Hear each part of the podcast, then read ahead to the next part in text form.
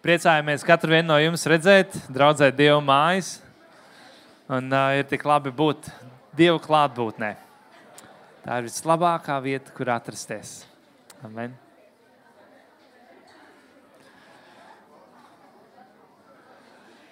Droši varat pateikt, labrīt kādam. Es tā šodien domāju, Mums te patiesībā ir tāda Jordānas upe pa vidu, un, un tur vienā krastā kāda sēž, un otrā krastā, un jūs drīkstat pamāt viņiem tur, tajā pusē. Un jūs varat pamāt tur, ja? Un, uh, un uh, ir jau tā kā jau ir lielākai daļai no jums jau ir sadalīts, kurā krastā tas sēdēs, tajā vai tajā. Es jums varbūt izaicinu uz nākamo reizi, pamēģiniet apsēsties otrā krastā. Būs pilnīgi cits dekolpojums, var gadīties. Iepazīsiet pilnīgi cits cilvēks.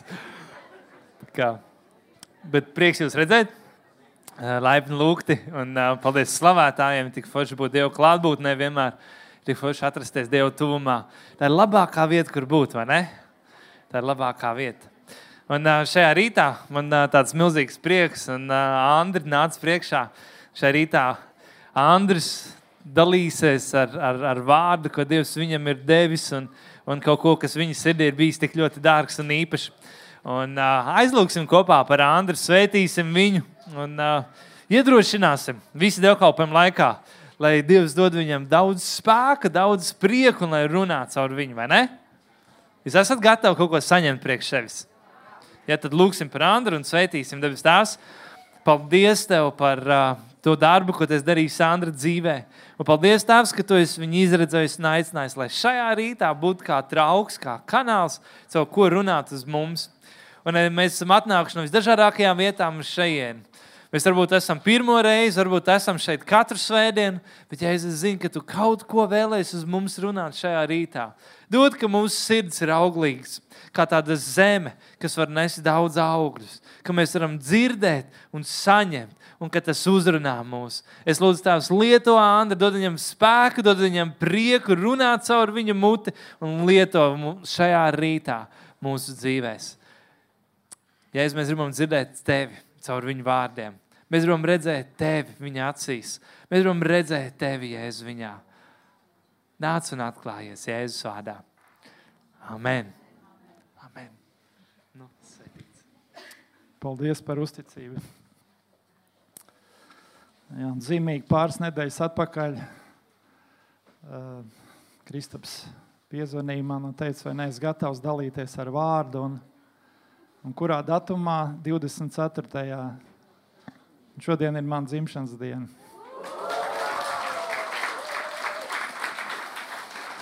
Es zinu, ka kaut ko Dievs grib izdarīt šodien īpaši. Un, jā. Negribu runāt par slavenībām, bet es piegāju pie Arthūra Irbas šodien. Un, uh, Es teicu, tu Artur, kādreiz tev bija tāda niknējums vai iesauka Artūrs kā mūris. Viņš saka, tagad nav vairs. Tagad ir citi mūri, jā. Tagad ir garīgiem. Varbūt es arī dalīšos kaut ko par, par manu kā sportistu karjeru, un, bet tas nav, tas nav par tiem sasniegumiem. Tas ir tikai par to, kā Dievs varbūt ir man veidis cauri dzīvei un, eh, un devis kaut kādas angliskas skills, ja, kaut kādas iemaņas. Ja, jo sports viņš dod disciplīnu. Viņ, uh, sports ir tāda lieta, ka ir vajadzīga milzīga regularitāte, ja, daudz, daudz, daudz atkārtojumu. Un tikai tad kaut kas sanāk. Un es domāju, līdzīgi ir arī ar mūsu ticības ceļu, ja, kad mēs iepazīstam Jēzu. Ja, Dieva vārds saka, ka Jēzus ir ceļš, patiesība un dzīvība pie debes tēva. Bet destination, ja, vai, vai tas ir galmērķis, tas ir Dievs kā tēvs, lai mēs viņu iepazītu. Lai mēs tur tiktu, Daudz kas jāizdara, ir, ja? tas ir mūsu svētāpšanas ceļš. Tas nav tik vienkārši.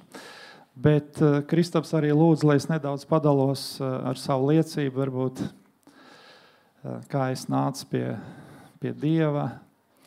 Un man bija patīkami dzirdēt, ka Jālgavā viena kristīga māsa pienāca. Nē, tas bija Kuldīgā. Jā, viņa pienāca. Viņa saka, ja sportists var nākt pie, tā, pie Dieva, jā, tad tas ir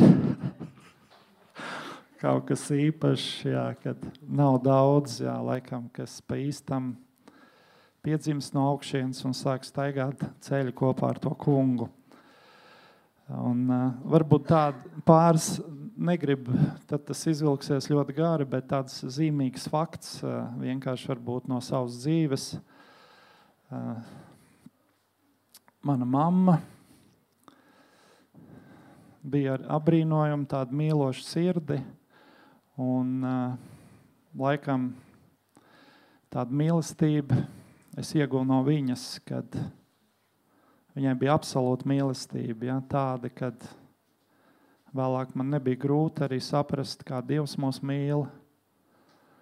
Un, uh, es viņai tiešām sirsnīgs paldies par to.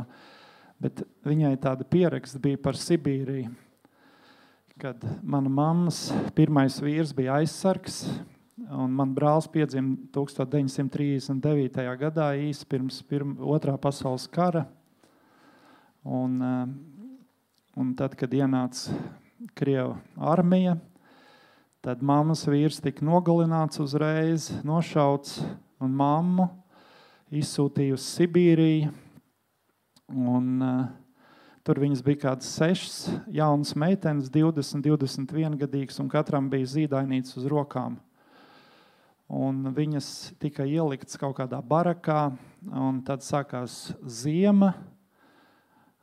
Cietumā dod ēst, bet tur nedēļ ēst. Ja? Un tie zīdainīši bija milzīgs sniegs, un viņām nebija ko ēst.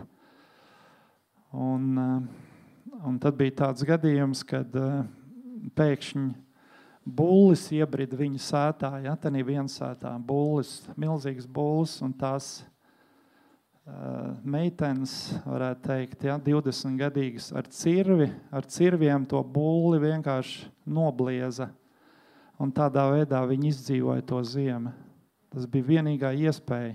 Vēlāk izrādījās, ka tas bija kolhovs bullis un vaisls bullis, un uh, vispār par to daudēja nav sots. Bet dēļ tā, kā viņas mīlēja savus bērnus un gribēja, lai viņi izdzīvo, viņas to izdarīja. Un otrs bija tāds gadījums, kad bija sācies karš, un uh, viņiem nebija ko ēst. Un, uh, tur bija kaut kāds viens krievu cilvēks, kas bija noliktavā un sargāja uh, labību. Viņš deva šīm latviešu meitenēm, viņš deva, deva labību padruskai, lai viņas vispār varētu. Un tad tas stāsts mammai bija tāds, kad,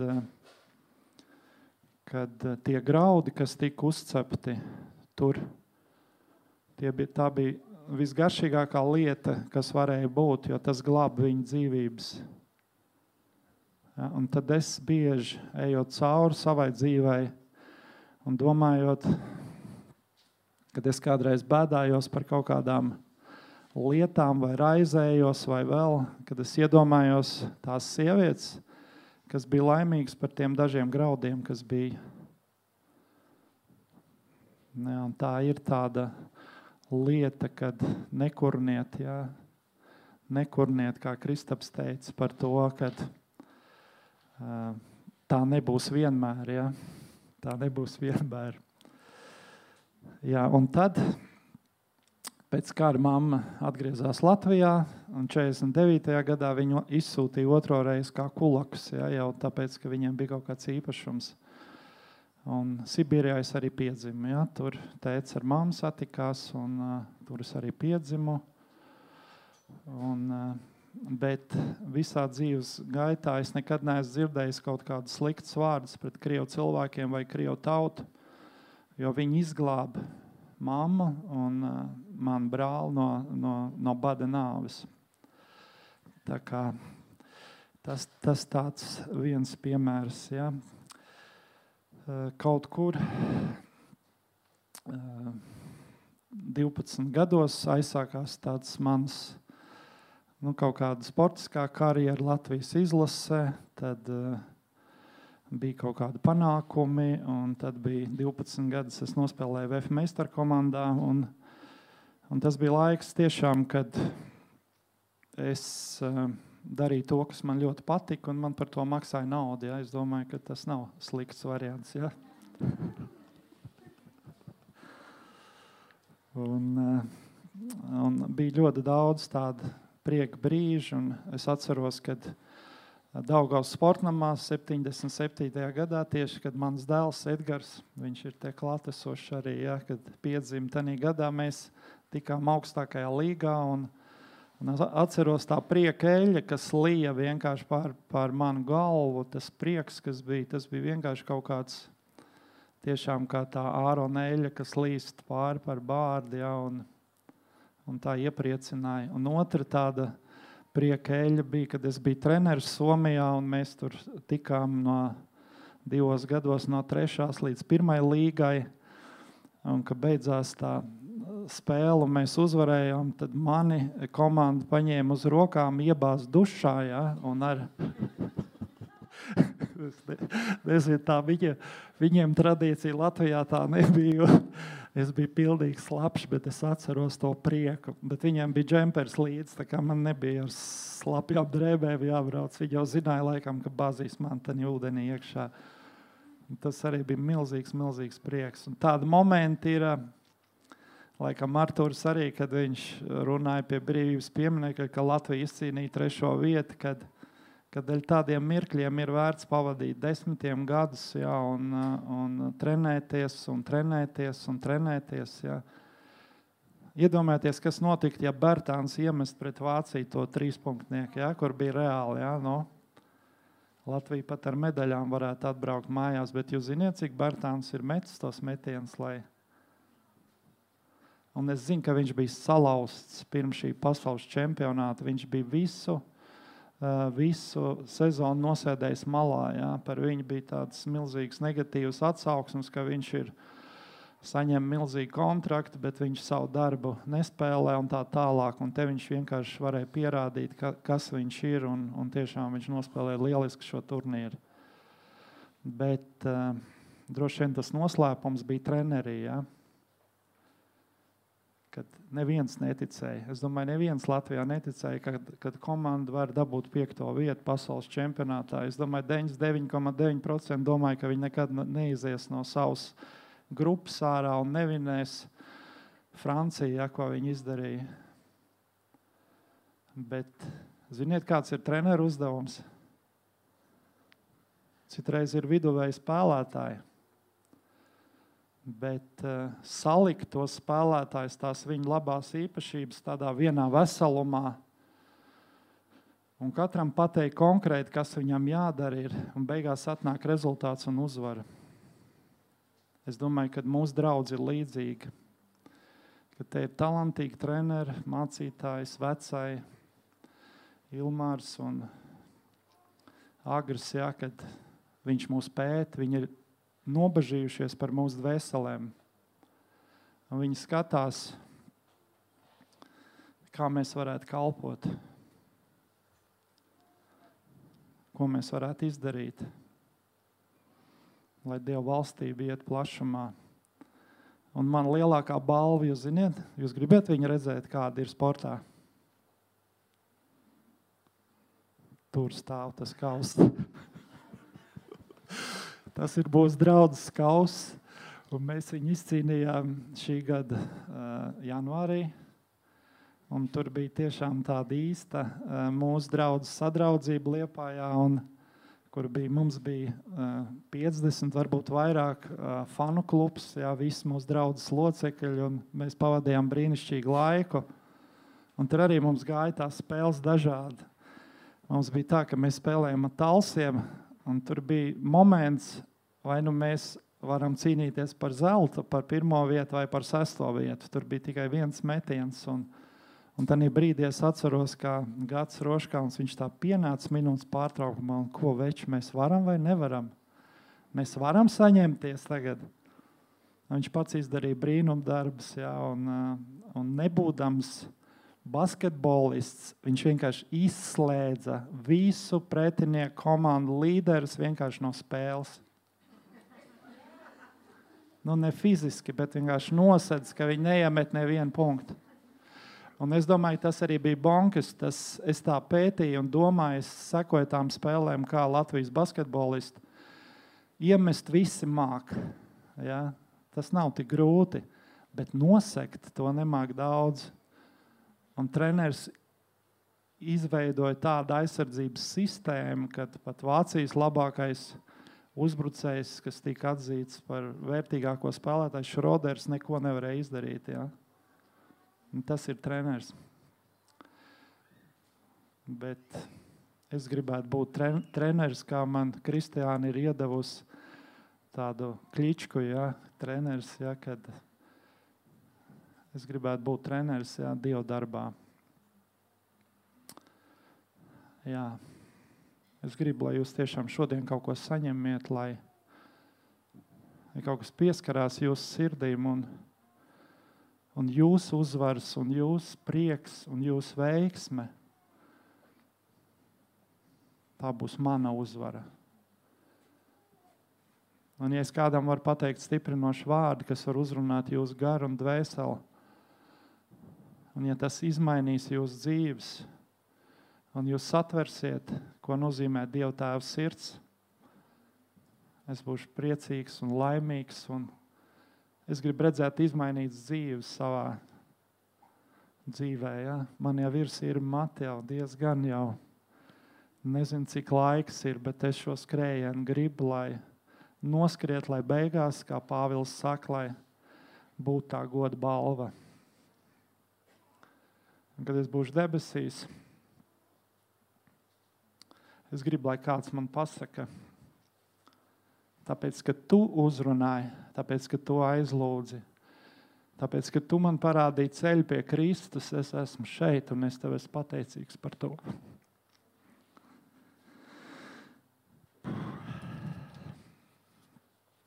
Bet mans, kā Dievs man pieskārās, tāpēc man deg sirds par jums, kamēr jūs esat veseli, kamēr jums nekas nesāp, kamēr jūs varat paskriet, skriet kā barojamie teļi, būt kā putni, kas ir izlaists no, no būrīša. Ja? lai jūs to varētu izdarīt tagad, bet nevis tad, kad atnāk dzīvē kaut kāda nelaime vai atnāk kaut kas tāds, kas ir neatgriezenisks. Nu, tādēļ satveriet to.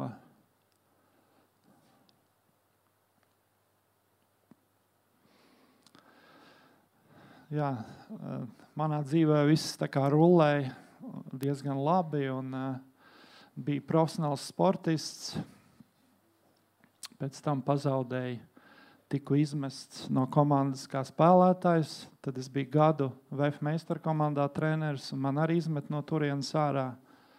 Es biju salauzts, saplosīts garīgi, un, bet uh, nonācis uh, Somijā. Un, Un, uh, tur es atguvos garīgi, ja, atguvos, un, un tur, tur bija pavisam cits ritms.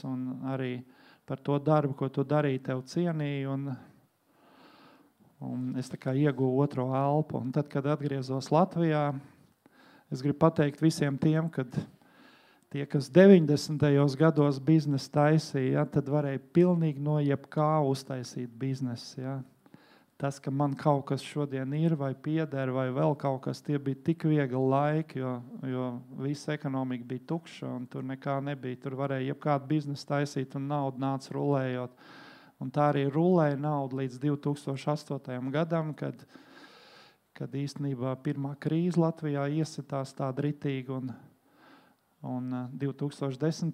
gadā Edgara mamma un Santas, manas meitiņas mamma, man pirmā sieva saslima ar vēzi.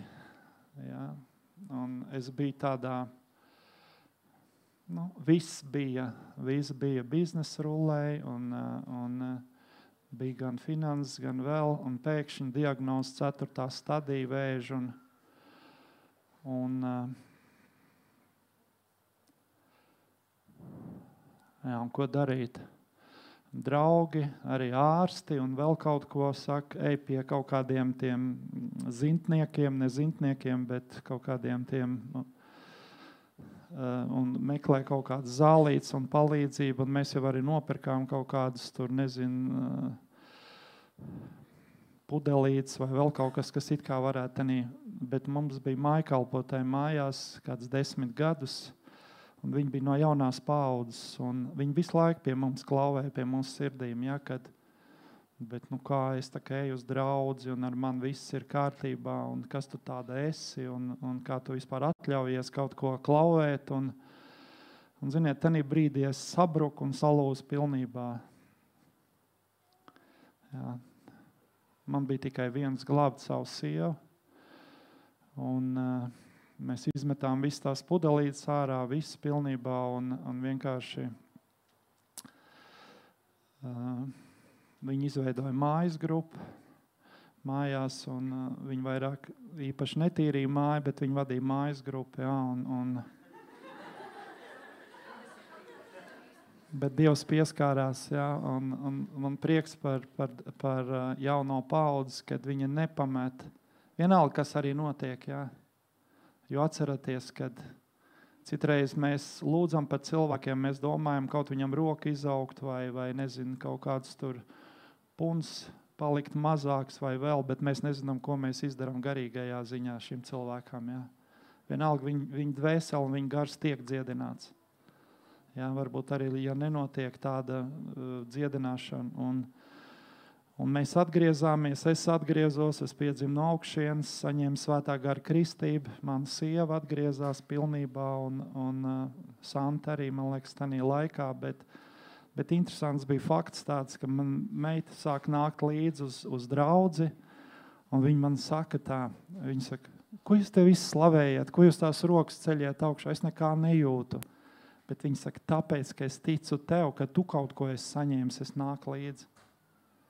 Un pēc tam mājas grupā, kur viņi gāja, viņiem bija jaunieši. Viņi saņēma arī saņēma svēto garu un saņēma kristību, svētā gara kristību. Man, man meitiņa ir, ar, nu, viņa pazīst kungu.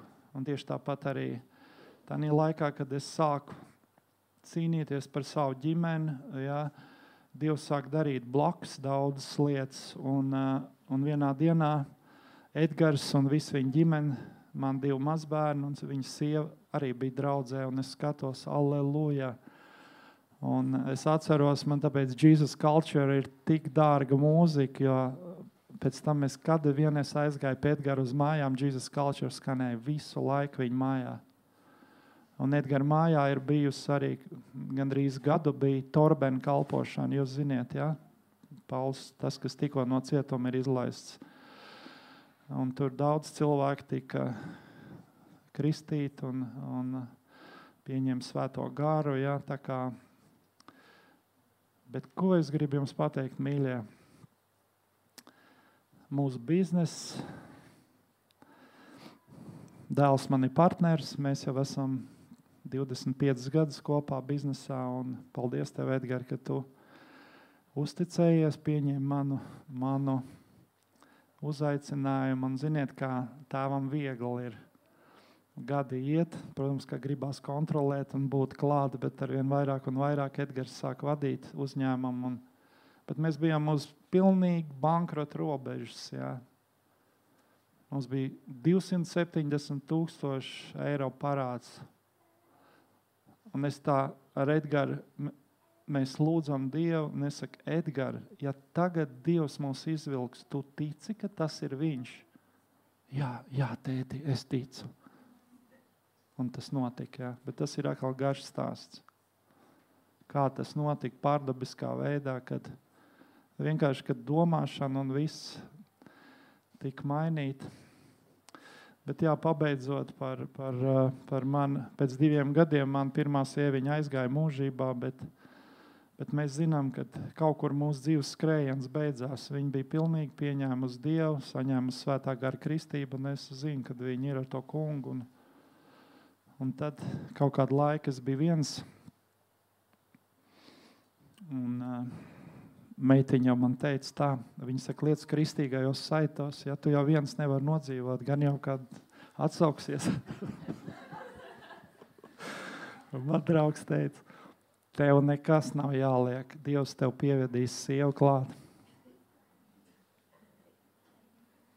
Es domāju, nu kā tā, man, manā draudzē visas jaunas meitenes tikai golfā, viss ir precēts un, un mājas, un es pa to trīs tur riņķoju tikai un riņķoju, un jau nekur es ārā neeju. Kur tad viņš man pievedīs uz ielas? Un, nu jā, tad bija tā, kad, kad uh, uh, bija Denija Johnsona seminārs, un viens no mūsu draugiem, mēs vēl bijām tur, uh, uh, kur tas bija. Tenī, pirmā draudzes tur pie, pie Daugaus. Kas tā bija pa vietu? Jā, Pasaules tirdzniecības centrā. Jā, pieskrēja pie manis un saka, ir Denija Johnsona seminārs, ir, bet tur tikai nu, tur 250 eiro jāsamaksā. Es saku, klausies, es pavēltu neju uz tādiem semināriem, tu vēl gribi. Bet pateicoties tev, ka tev ir labs bizness, jā, es tev noticē, noticēšu, un es samaksāju.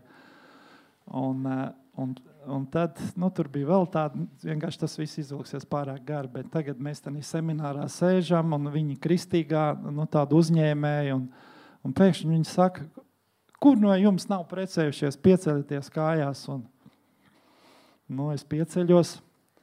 Un, nu, kuri grib apprecēties, protams, ja? un tad viņi saka, nu, ko jūs skatāties, pagriežaties apkārt, tā kā mācītājs saka, un es tā pagriežos. Un Marija bija viena metra attālumā no manis. Tad kaut kādā veidā, lēnām, lēnām. Jā.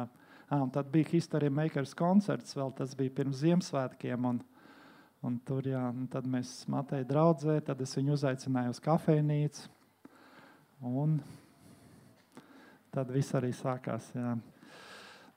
Bet man prieks ir, jā, ka man ir dievbijīga sieva, kad viņa pazīst kungu, un ka mēs tā skatāmies atpakaļ, kā Dievs mūs gatavoja. Kā mums gatavoja, kādas atbrīvošanas bija Maritai, reāls atbrīvošanas no, no, no daudz kā, un, un arī man ir bijušas diezgan daudzas atbrīvošanas, ja, jo vismaz manā dzīvē ir bijis tā, ka ir sīpols un nevar noplēst pilnīgi visas tās čaumalas. Ja? Mēs noplēšam vienu, otru, trešo, kamēr, kamēr mēs līdz tam kodolam tiekam. Ja? Kad, tad tas kodols, kad tas ir tas īstais un pareizais. Un tādēļ es ticu, ka šodien noplēsīs čaumaliņas no, jū, no jums arī nost. Jūs paliksiet tīrāki, paliksiet dievbijīgāki, un sapratīsiet vairāk ja, par Dieva tēva sirdi.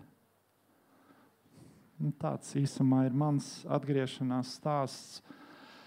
Bet par biznesu runājot, mēs pusgadu atpakaļ mēs bijām pilnīgi uz bankrota robežas. Ja? Mūsu zviedri partneri pateica, ar mums vairs kontrakts neslēgs. Mums bija milzīga finansiāla pārbauda, kas ilga pusgadu garumā.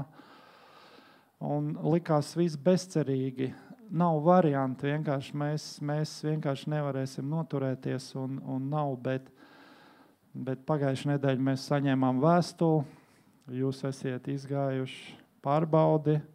Mēs ar jums slēdzam lielu līgumu par vienu no lielākajiem Volvo ražotnēm, jā, Göteborgā un Slavdievam. Tāds ir tas kungs. Jā. Bet jā, vēl no manas liecības, kad sākumā man bija tāda tā divi vārdi pārsvarā no Bībeles, ko es atvēru - atdošana un mīlestība. Jā, tā tad, ja mēs spējam piedot, ja mēs spējam mīlēt, 75 līdz 90% savas kaujas mēs varam uzvarēt. Jau. Piedot un mīlēt, piedot un mīlēt. Un tagad man vēl divi, divi vārdi nākuši klāt. Ir pazemība un dievbijība. Ja Dievs varēja tādu āzi kā man salauzt, ja, tad ar jums nav problēmas. Nolikt uz ceļiem, ka tu pilnīgi padodies un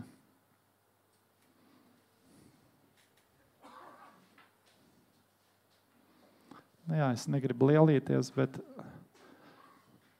bet vienkārši tagad Dievs, kad manā dzīvē ir bijis tā, ka, nu, teiksim, ziniet, kā finanses biznesā viņas visu laiku nu, kaut kā plūst, bet, bet tad, kad atnāk kaut kāda lielāka ieņēmuma vai veiksmīga darījuma, ja, tu tā kā atslābsti, tu garīgi atslābsti vienkārši. Man jau labi, es tēvreiz noskaitīšu, es tā, Dievs, paldies, paldies, viss Un tas arī viss ir. Jā. Es vairs to neatlaidīšu. Es gribu, tēt, es spiedīšos ar vien tuvāk un tuvāk pie tavas sirds. Es to neatlaidīšu vairāk. Es negribu būt tur, kur man zvana un saka, ka tu dos naudu. Es negribu būt tādā situācijā vairāk. Es negribu būt parādnieks vairāk. Es negribu, lai uz maniem sāpes paliek. Es gribu spiesties. Es gribu, lai visi mani bērni staigā ar to kungu un man mazbērni Es vienkārši stāvēšu un miršu, un, un vienkārši garīgajā pasaulē es paziņošu, es un mans nams, mēs kalposim tam kungam. Un neko es neatdošu tumsai un sātanam. Neko, nevienu milimetru. Es vienkārši stāvēšu līdz pēdējām elpas vilcienam. Dievs palīdz mums tiešām Dievs stāvēt, stāvēt par saviem mīļajiem, stāvēt Kungs, jo viss no tevis ir atkarīgs. Mēs to zinām. Tu esi tik daudz reizes manā dzīvē to parādījis, Kungs. Kad, kad es esmu ar tevi tuvās un ciešās attiecībās, Kungs, tad viss notiek. Un tad, kad, tad, kad es atslābstu, Kungs, tu aizēji kaut kur projām. Un ne no savas skriešanas, un ne no savas varēšanas, bet no tavas žēlastības, Kungs. Viss notiek šajā pasaulē, viss Dievs, viss. Palīdz katram vienam no mums tos atvērt. Jā, un šīs dienas tēma ir eh, Dievs kā tēvs vai Dieva tēvs sirds. Un pirmā raksturvieta ir 1. Jāņa, 3 eh, no 1 līdz 3 pantam. Redziet, kādu mīlestību Tēvs mums ir parādījis, ka tiekam saukti Dieva bērni. Un mēs tādi arī esam. Redziet, kā Tēvs ir parādījis, ka mēs tiekam saukti Dieva bērni. Pasaule mūs tāpēc neatzīst, ka tā viņu nav atzinusi.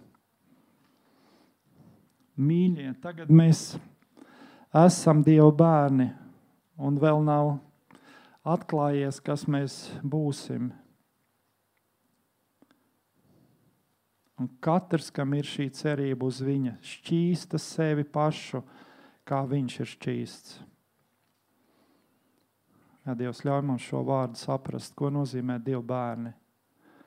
Ko nozīmē būt adaptētam Dieva ģimenē, Dievs palīdz mums tiešām to izprast.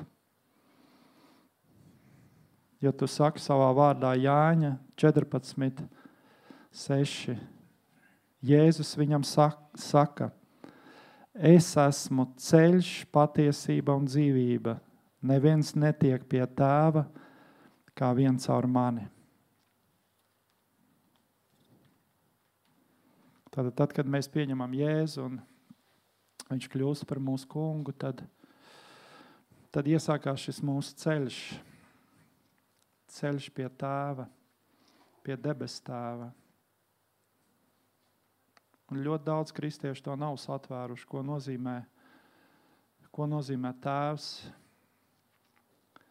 Dievs griež mums asaras acīs un īsti nerāda vairāk. Jā.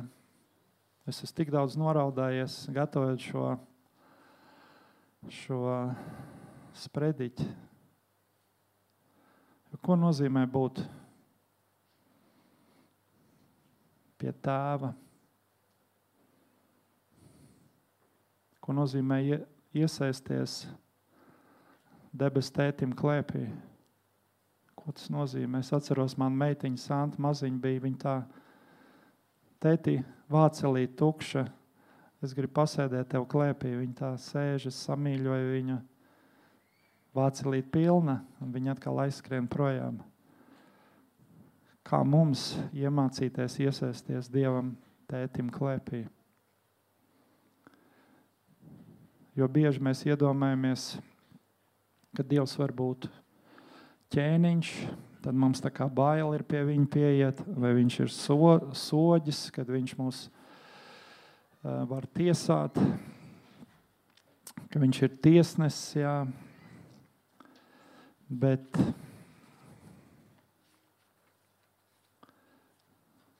bet viņš ir atklājis sev kā tēvu.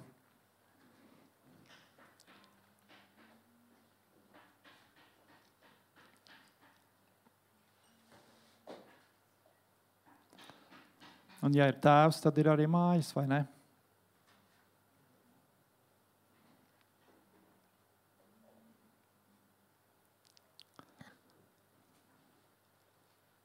Un mums ir mājas debesīs, ja, ja mēs pa īstam esam tos atvēruši. Mēs esam adoptēti, mēs esam Dieva bērni, mums ir mājas debesīs, un ka mums ir absolūta drošība. Un šī drošība mums dod arī šo vēlmu kalpot.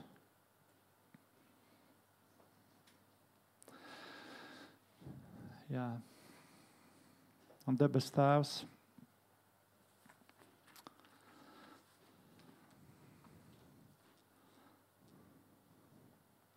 Viņš dod padomu, viņš aizsargā,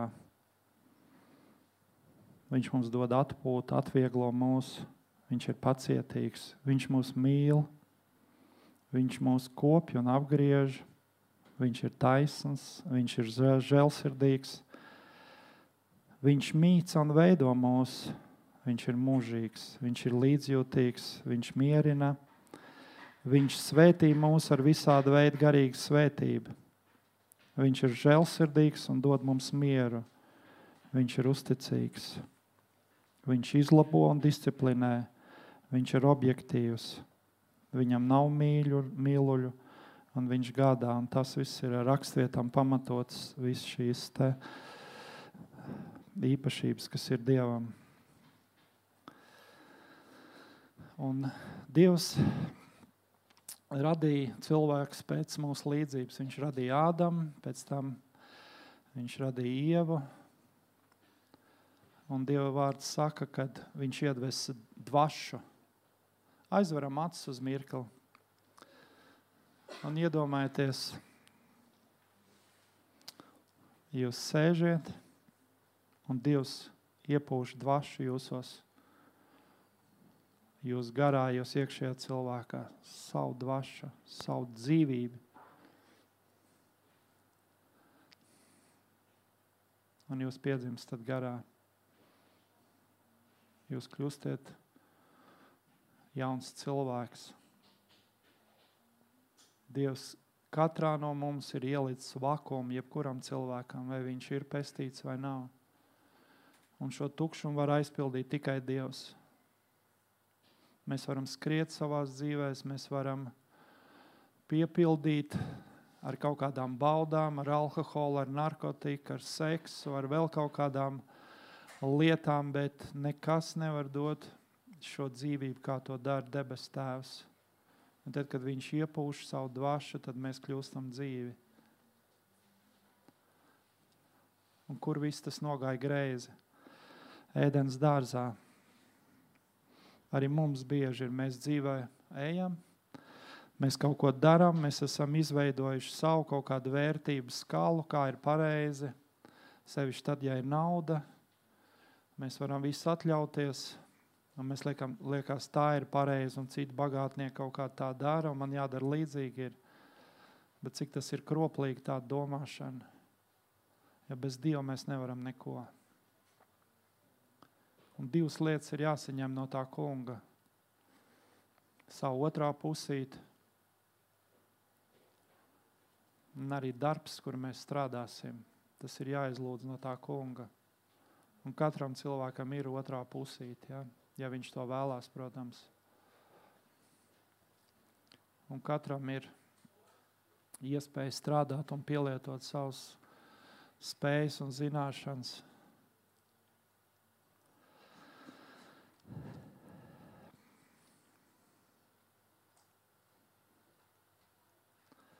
Jā, un Lūkas evanģēlī 3.38. Ādams ir saukts kā Dieva dēls. Un nogāja greizi arī ēdienas dārzā. Ādam, Ādams kļuva grēka un sātana vergs, kad viņi ēd šo aizliegto augli kopā. Un tā arī mēs dzīvē mēs ejam, mēs izveidojam kaut kādu savu vērtību sistēmu, un mēs domājam, ka tā ir pareizi. Bet Dievs saka, no tā augļa nēd, un to nedara. Un to arī mēs darām kā vecāki saviem bērniem. Mēs gribam nolikt viņiem robežas un sakām, tā nī mežā nē, tur ir tumšs, tur var būt problēmas. Tur nē, to nedari. Bet čūska viltīgā saka, ka Dievs kaut ko slēp no jums.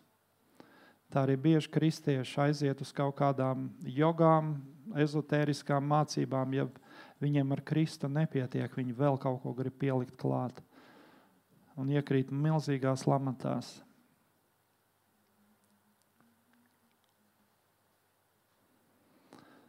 Bet Dievam bija plāns, Dievam bija plāns sūtīt savu dēlu. Un galotiešiem 4, 6 4, 5, 4, 4 ir teikts tā, kad laiks bija piepildījies, Dievs sūtīja savu dēlu Jēzu, lai izpirktu mūs un mēs atgūtu savas bērnu tiesības.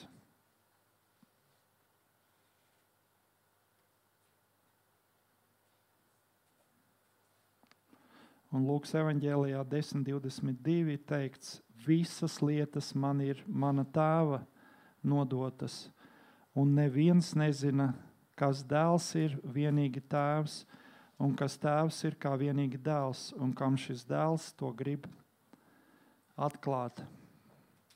Un Jēzus atnāca, lai atklātu tēvu. Bet kāpēc tik bieži ir grūti uztvert Dievu kā tēvu? Jo, jo mūsu izpratne par Dievu visbiežāk veidojās no dažādām no pasaules ietekmes, no dažādām autoritīvām personām, no, no tas, kas ar mums ir noticis bērnībā, sākot no mājām, no skolas, augstskolas, darbvietas vai dažādām citām vietām.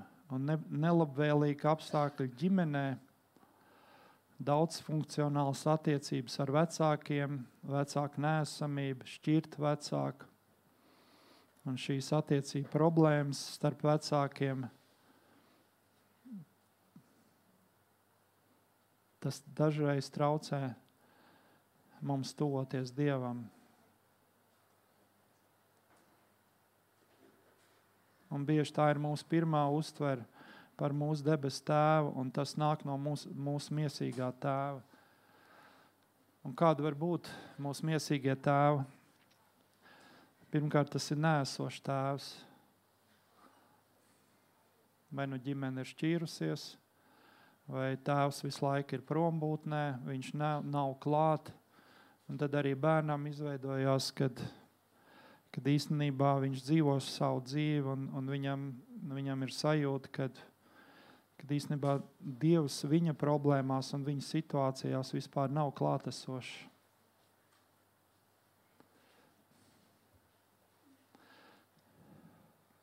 Vienkārši tagad, kad es saukšu šos tēvu tipus, ja, tad jūs vienkārši padomājiet, kādi ir jūs bijuši zemes miesīgie tēvi un arī mācas tai ziņā.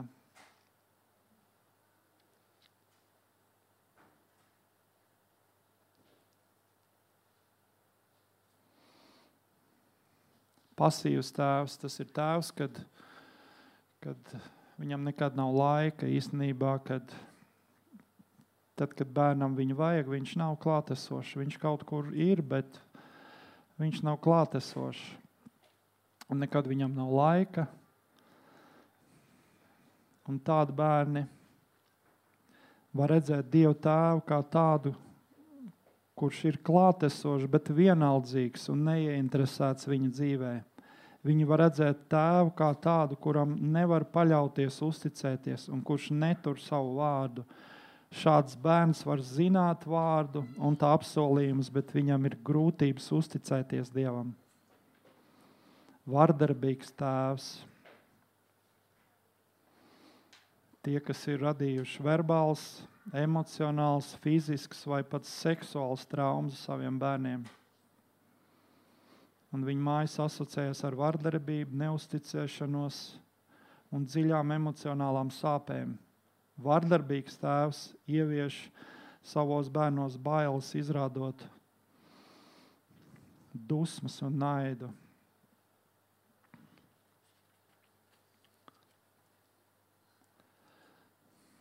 Un tādiem bērniem visgrūtāk ir nākt pie Dieva. Bērni dzīvo bailēs no tiesāšanas, sāpēm un nosodījuma. Un līdzīgi viņi domā arī no Dieva. Un bieži izvēlas slēp, slēpties no Dieva. Autoritīvs tēvs, tas ir tāds tēvs, kas visu dara pēc likuma, nevis pēc mīlestības. Viņš pieprasa tūlītēji bezvieru un paklausību saviem stingriem noteikumiem un kā autoritīvs tēvs ietekmē mūsu uztveri par Dievu. Autoritīvu tēvu bērni var redzēt Dievu kā policistu vai uzraugu debesīs. Viņi vairāk pievērš uzmanību tam, lai viņi ir izpildījuši visas Dieva norādes, nespējot aptvert, ka pats svarīgākais, ko Dievs no mums prasa, ir mīlēt Dievu un cilvēku.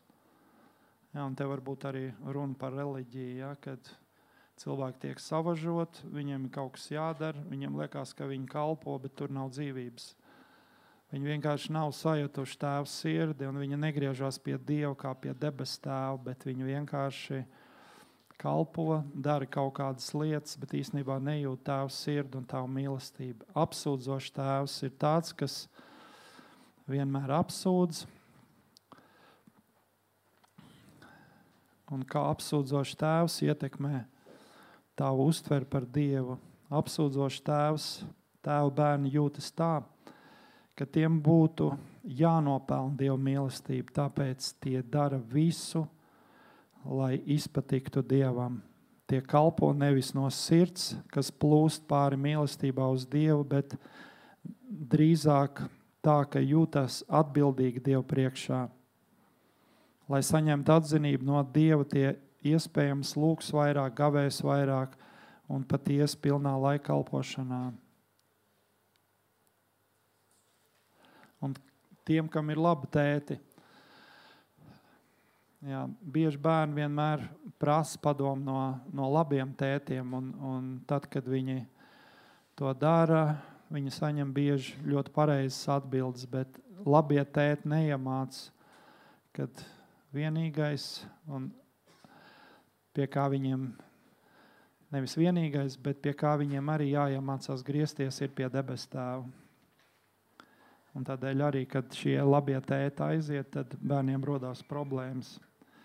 Bet mūsu debes tēvs, viņš mīl bez nosacījumiem. Viņa mīlestība ir agape. 1. Jāņa 4.16.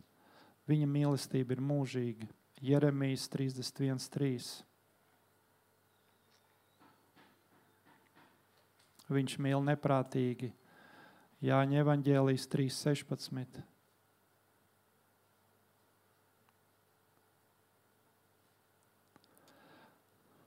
Viņš ir tēvs, kurš gaida Jā, un te būs tā pamatraksturvieta, pie kā mēs ilgāk varbūt pakavēsimies. Tātad Lūkas evanģēlijas 15. nodaļa no 11. līdz 24.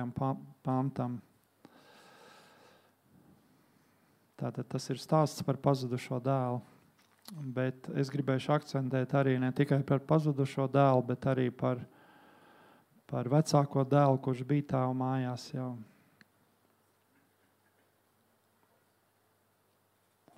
Varbūt aizlūksim vēl, lai vienkārši labāk tas aiziet. Jā, Dievs.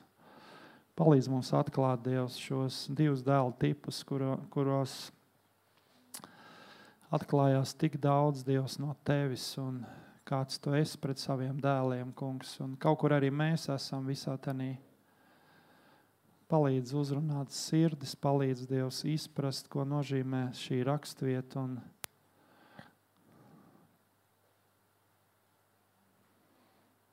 Un Dievs, lai katrs sajūt tavu sirdi, ko tu šajā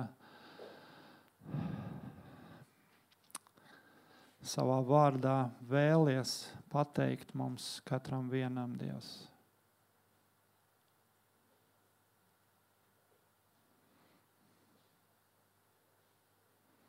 Mēs šo stāstu zinām, bet mēs gribam asociēt ar sevi, kungs, kur mēs esam šajā skrējienā, vai mēs esam pareizi nostājušies, vai pareizās pozīcijās, vai mēs tomēr maldāmies. Kā jūs zināt, tad jaunākais dēls paņēma mantojumu no tēva, aizgāja pasaulē,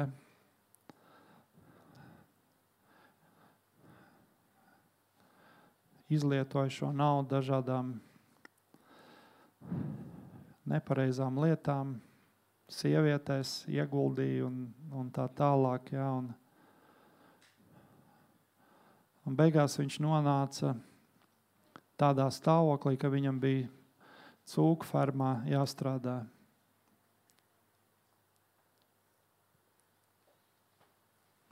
Tā, viņš bija sasists un salauzts un viss. Viņam atnāca tā doma, es gribu atgriezties tēva mājās un būt kaut vai tādā pašā pozīcijā, kur es esmu tagad, bet pie tēva. Un šis ir tas sirds stāvoklis, kurā mēs ejot pa dzīvi, kādreiz esam sasisti, salauzti, saplēsti savās bēdās un skumjās, savās nelaimēs. Un pēkšņi mēs saprotam, ka pie tēva ir labāk.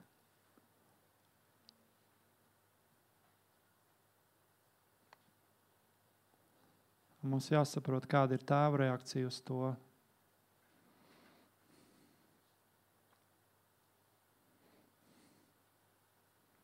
Un tad, kad dēls parādījās, tad tēvs skrēja viņam pretī.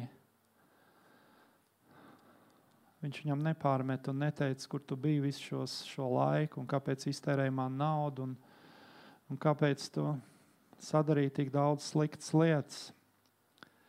Viņš uzlika viņam apmetni plecos. Un apmetnis, kas simbolizē pilnīgu identitāti viņa dēlam. Viņš uzvilka gredzenu pirkstā, kas simbolizē tēva pieņemšanu un viņa autoritātes piešķiršanu dēlam. Viņš iedeva šīs sandales, kas simbolizē dēla uzņemšanu atpakaļ ģimenē ar visām līdzējošām privilēģijām. Tēvs nokāva baroto teļu, jo dēla atgriešanās mājās bija tik īpašs notikums, ko vajadzēja svinēt.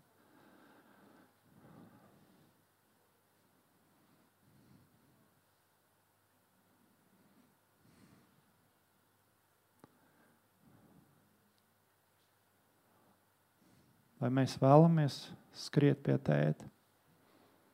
Tik daudz mēs esam savā spēkā daudzas lietas darījuši un domājuši, ka tas ir pareizi un es jau visu zinu.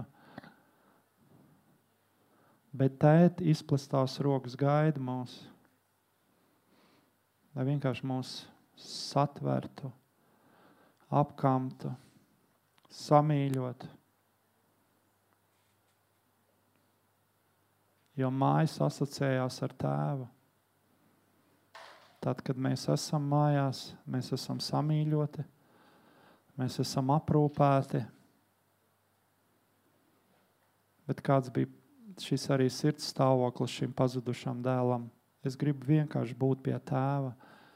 Viņš nenāca pie tēva, lai kaut ko saņemtu, kaut kādu materiālu labumu vai varbūt vēl kaut kādu mantojuma daļu, bet viņš vienkārši pazemīgs. Viņš bija Viņš bija gatavs uz visu, kaut viņš tikai būtu tēva rokās. Palīdz mums katram to izjust, Dievs, un saprast, ka mēs esam gaidīti un mīlēti tēva rokās. Palīdz ieiet tajā, Dievs, un saprast, ka tā mīlestība ir pār mums visiem, Dievs tā vienkārši plūst pār taviem bērniem, ka plūst šeit. ka mēs esam samīlēti, mēs esam apskauti. Es gribu būt kā mazs bērns, tā Jēzus teica. Esiet kā mazi bērni. Es gribu būt tāds, vienalga, cik man gada. Es gribu būt samīlēts, es gribu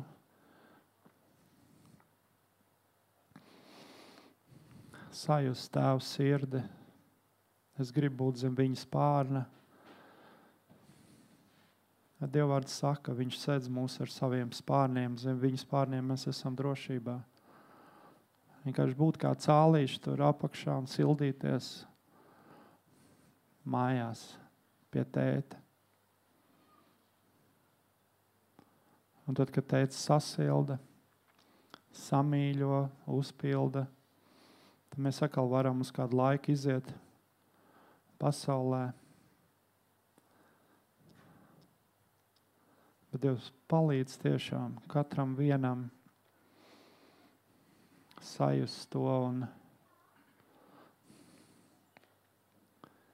ka ne tikai svētdienās vai slavēšanas vakaros mēs varam ieiet tādā dievu tuvumā, bet arī ikdienas dzīvē. Kad mēs rakstām e-pastu, ka mēs varam runāt, tēti, ko man uzrakstīt, ko man, pat, ko man pateikt Dievs. Es negribu savā gudrībā, es gribu, kā tu man padomu iedos. Kungs, ka tu iedod šo vēlēšanos piezvanīt saviem bērniem, kad iedod šo vēlēšanos stiprināt kādu, aizsūtīt viņiem kādu stiprinājumu vārdu. Bet kas, tas nav formāli, bet tas nāk no tavas sirds, kungs. Kā man pēdējā laikā bija, dod man vēl vienu, dod Dievs vēl vienu, par ko aizlūgt, par ko iestāties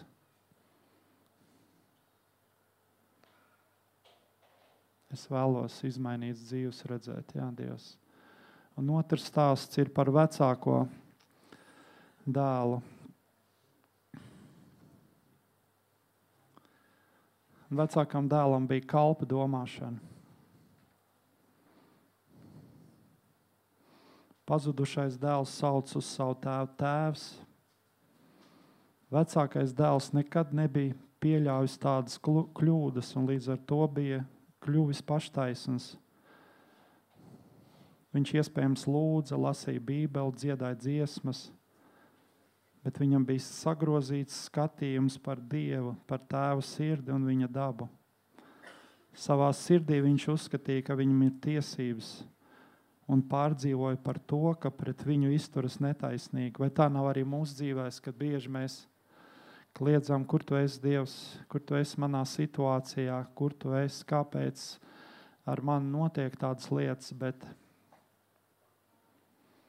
bet Tēvs ir blakus, ja mēs esam viņu pieņēmuši par savu kungu Jēzu. Tad Jēzus mūs ved pie Tēva. Viņš vienmēr ir blakus. Arī grūtībās ejot cauri, viņš ir blakus. Bet man atklāsme no dzīves ir no pieredzes arī biznesā. Kāda jēga tev dot, ja tu attālinies no manis? Un, ja es tev iedošu daudz, tu vispār attālināsies. Kungs, es negribu to pieļaut vairāk savā dzīvē. Tēt, es negribu. Es vairs neattālināšos. Pārāk daudz tu esi man mācījis, pārāk daudz tu esi vedis cauri dažādām situācijām, kungs, es negribu no tevis attālināties, bet tieši otrādi tuvoties vairāk un vairāk Dievs.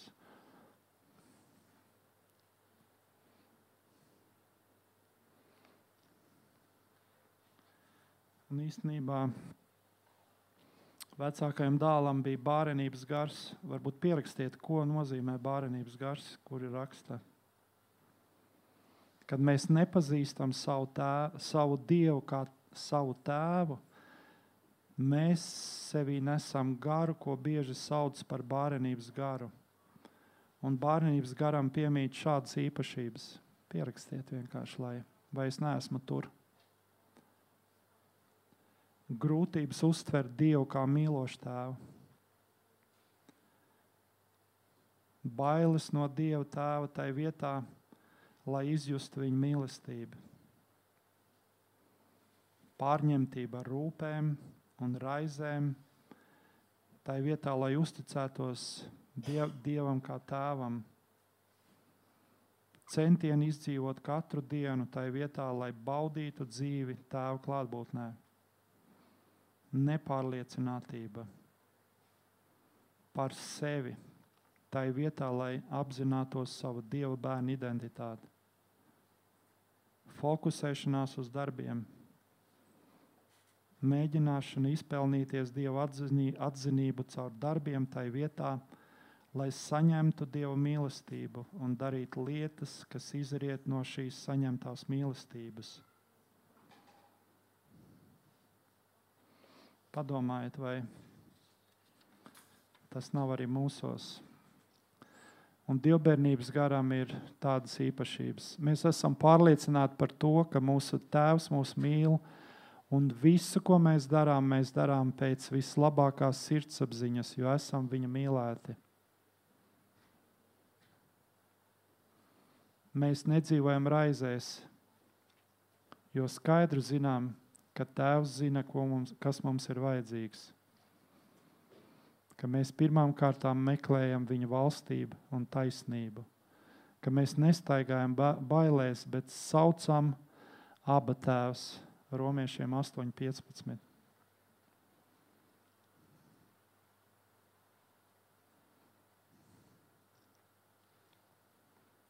Tad es gribu lūgt par jums. Es gribu lūgt no tādas tēva pozīcijas, no, no zemes tēva pozīcijas. Varbūt jūs zemes tēvi nav lūguši jums atdošanu, bet es gribu, lai tas ir kā tāds akts, garīgs akts, kad jūsu tēvi, jūsu Miesīgie tēvi lūdz jums atdošanu par kaut kādām darbībām, par sāpēm, ko viņi ir radījuši jūsu dzīvēm.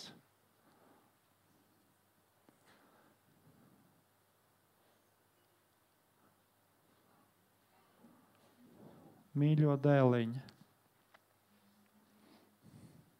mīļo meitiņu.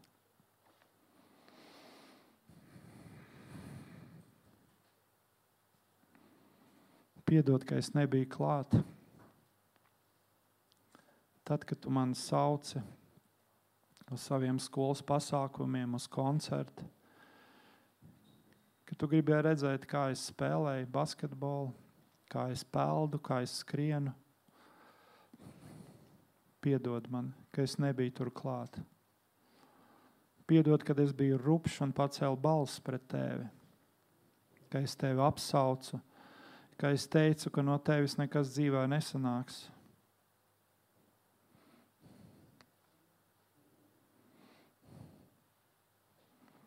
Piedod, ka man bija dusmu uzplūde un es nekontrolēju savu rīcību un pat iesita tev. Piedod, ka es tev pazemoju citu cilvēku klātbūtnē.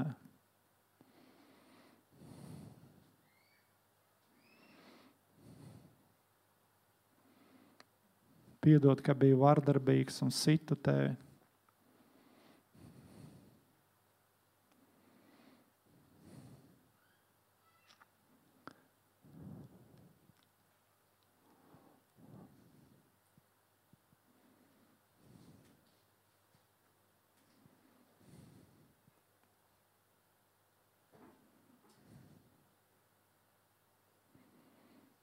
Piedod, ka man nekad nebija laiks priekš tevis.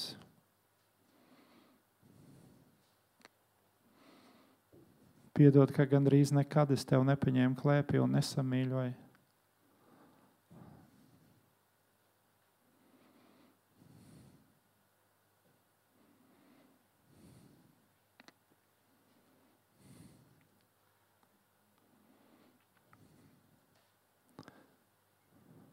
Tagad mēģināsim piedot saviem tēviem, jā, mātēm. Vienkārši lai sirdī un ielaidīsim jēzu katrā situācijā. Vienkārši jēzus dziedina, dziedina tās vietas, dziedina šīs rētas, tavu bērnu sirdīs, dvēselēs. Vienkārši lai ielīst šī eļļa, lai Jēzus ieiet šajā situācijā konkrētajā un dziedina vairāk.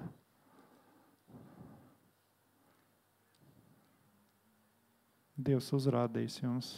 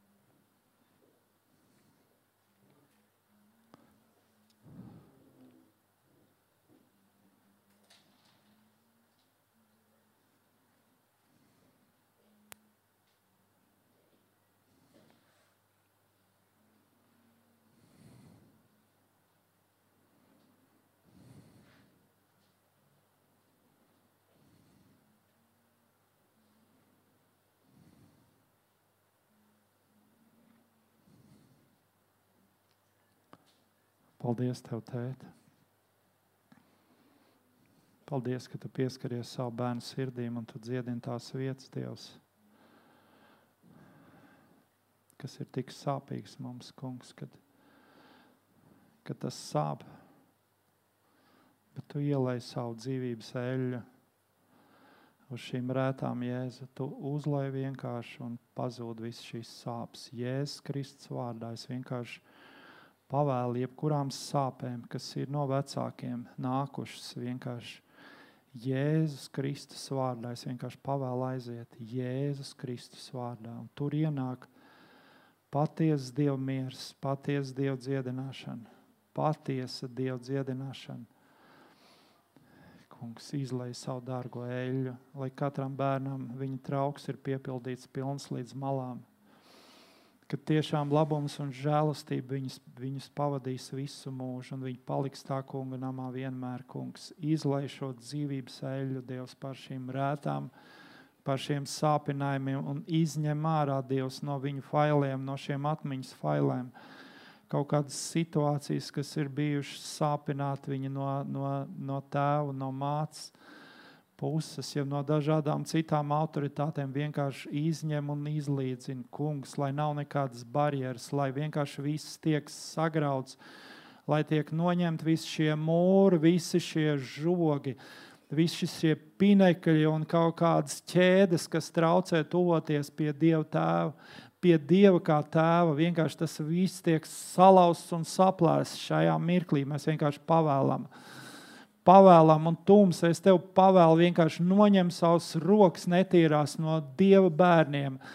Ka viņi ir brīvi, ka viņi var izlidot no saviem krātiņiem, ka viņi var kā ērgļi pacelties debesīs, ka viņi var vienkārši lidot svētā gara plūsmā. Kungs, kad tu iepūti savu dzīvību, savu svētā gara dzīvību, kad viņi nestaigā vairāk kā bāreņi, bet kad viņos ir ieplūst šis dievbijības gars, ka viņi var lidot tiešām Dievs un pacelties no savas ikdienas, no savām rūpēm un skriešanām, bet ka viņi var Dievs tiešām kā ērgļi lidot, kungs, pāri visām šīm. Šī, šai vistu kūtī, kungs, kur tik bieži mēs esam bijuši, kur tiešām ir viss netīrs un ne, bet Dievs, ka tu dod, tu dod šo svētā gara uh, vēju, Dievs, un dod katram, katram, katram, kas klausās Dievs šodien, dod savu garu, Dievs, dod savu svēto garu un dara stipri iekšējo cilvēku, ka mēs līdz ar visiem svētajiem, kas ir šeit, spējam saprast, kāds ir garums, platums un augstums un dziļums tavai debesu valstībai, ka mēs varam iesakņoties Kristus mīlestību un ar to būt piepildīti un iegūt visu Dievu pilnību, Jā, Kungs. Un vēl es jums gribu arī iedot tādu, kas man ir tāds atslēgas vārds. Tad nu jūs mīļotie, stiprinādamies savā visvētākajā ticībā, lūdziet Dievu svētajā garā un pasargāt sevi Dieva mīlestībā, gaidīdami uz mūsu Kunga Jēzus Kristus žēlastību lai iegūtu mūžīgo dzīvību. Kungs, es tev pateicos par tavu vārdu, ko tu devi šajā dienā, Dievs. Es tev pateicos par šīm tavu bērnu sirdīm, kungs, kas bija atvērts, kas dzirdēja šo vārdu, kungs. Un, un palīdz katram vienam pieiet viegli pie tevis, Dievs. Pieiet pie tavas sirds, Dievs, iesaisties tev klēpī. Būt kā bērnam samīļotam, piepildīties, kungs, un tad, un tikai tad viņš varēs iziet īstajā arēnā, kungs, kur tu viņu pēc tam sūtīs. Bet, kungs, dod mums šo atdusu, dod mums šo spēju iemācīties, kungs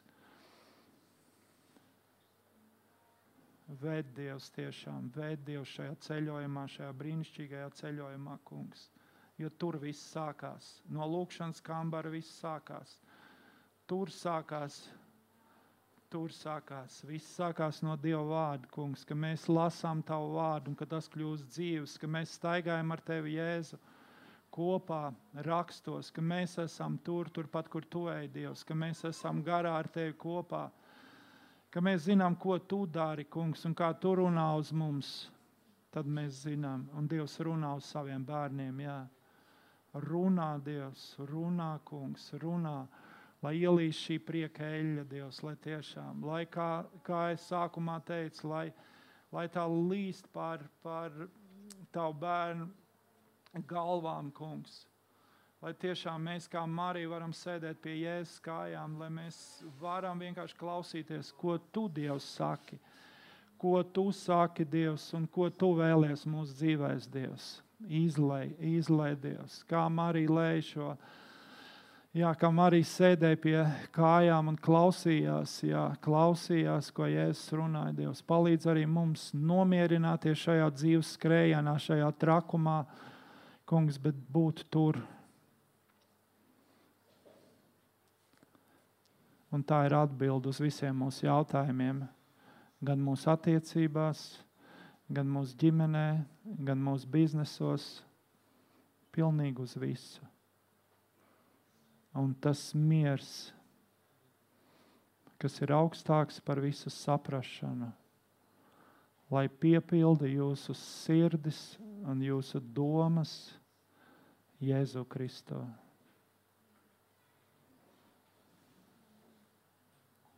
Amen. Jā, Kristap, jā, aizlūkšanas vajadzīgs. Tad. Paldies, Andrim. Kaut mēs varētu visus atvērt to sirdi, kas Andrim ir, viņš mums tāds draudzes teicis, ir bijis jau nu, tāds teicis, mums draudzē ar sirmu galvu tik daudz gadus un tāda svētība. Un, uh, man liekas, tas, ko es gribētu, ka mēs varētu izdarīt, mēs varētu baudīt vakarēdienu. Mēs varētu tik ļoti pateikties, zināmais, ka debesu tēva mīlestība ir parādījusies pilnīgi. Viņš ir pierādījis. Viņš nevis vienkārši ir teicis, ka viņš mūs mīl, bet ir pierādījis caur to, ka viņš ir devis savu vienīgo dēlu. Un, un mēs baudīsim vakarēdienu, un mēs no sirds varam pateikties par to, ko Jēzus ir darījis, par to, kādu tēva mīlestību viņš mums, mums ir parādījis. Un uh, mums būs iespēja, ka mēs varam aizlūgt viens par otru. Un, un es domāju, ka tā ir tik ļoti vajadzīgs, ka tagad mēs esam dzirdējuši par to, kāda ir tā tēva mīlestība. Kad mēs, es zinu, to, ka daudz no jums esat gājuši cauri nevieglām attiecībām ar jūsu tēviem. Un, uh, un mūsu tēvi bieži vien mūs audzināja un mācīja, nu, kā viņi mācīja. Kā viņi mācīja, tā viņi to darīja. Bet debesu tēva mīlestība, debesu tēva attiecības pret mums tās ir pilnīgas. Viņš ir pilnīgs. Tas ir kaut kas tik daudz labāks un pārāks par visu, ko mēs varam iedomāties. Un, uh, Dieva vārdā ir rakstīts, ka tajā dienā, kad Jēzus tika nodots, viņš ņēma maizi, viņš lauza to, viņš pateicās un teica, šī ir mana miesa, kas par jums tiek dota. Un pēc tam viņš ņēma kausu, viņš svētīja to un teica, šī ir jaunā derība manās asinīs. Un cik, kā, cik reizes jūs no šī kausa dzerat vai no šīs maizes ēdat, pieminiet, ko es jums esmu darījis. Un to mēs darīsim, mēs pieminēsim, mēs atcerēsimies, mēs pateiksimies par to, ko Jēzus ir darījis mūsu dēļ, par to, ko debesu Tēvs ir devis par mums. Mēs pateiksimies par to. Un, uh, debesu Tēvs, paldies Tev, paldies Tev, ka Tava mīlestība tā ir tik pilnīga, tā ir tik liela un nekas nevar tam līdzināties.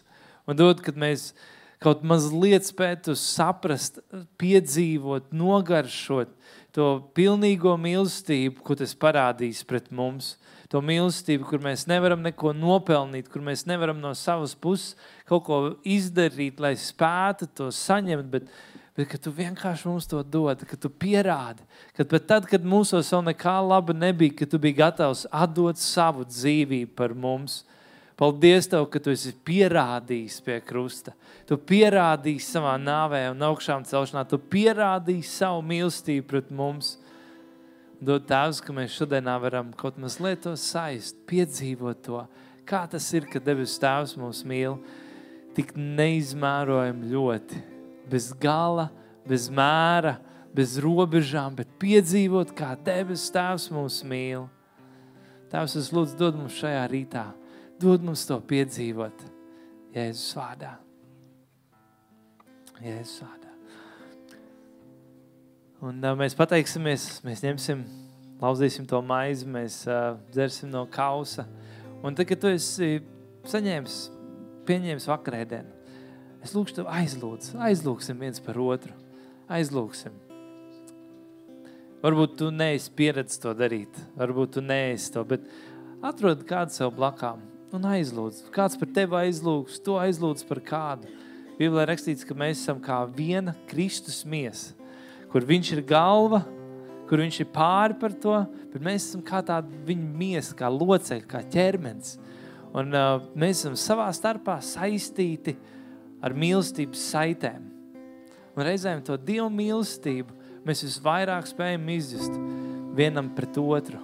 Tajā brīdī, kad mēs no otra jūtam to mīlestību, ir kaut kas tik daudz, ko mēs varam piedzīvot. Tāpēc baudīsim un tad aizlūdzēt viens par otru.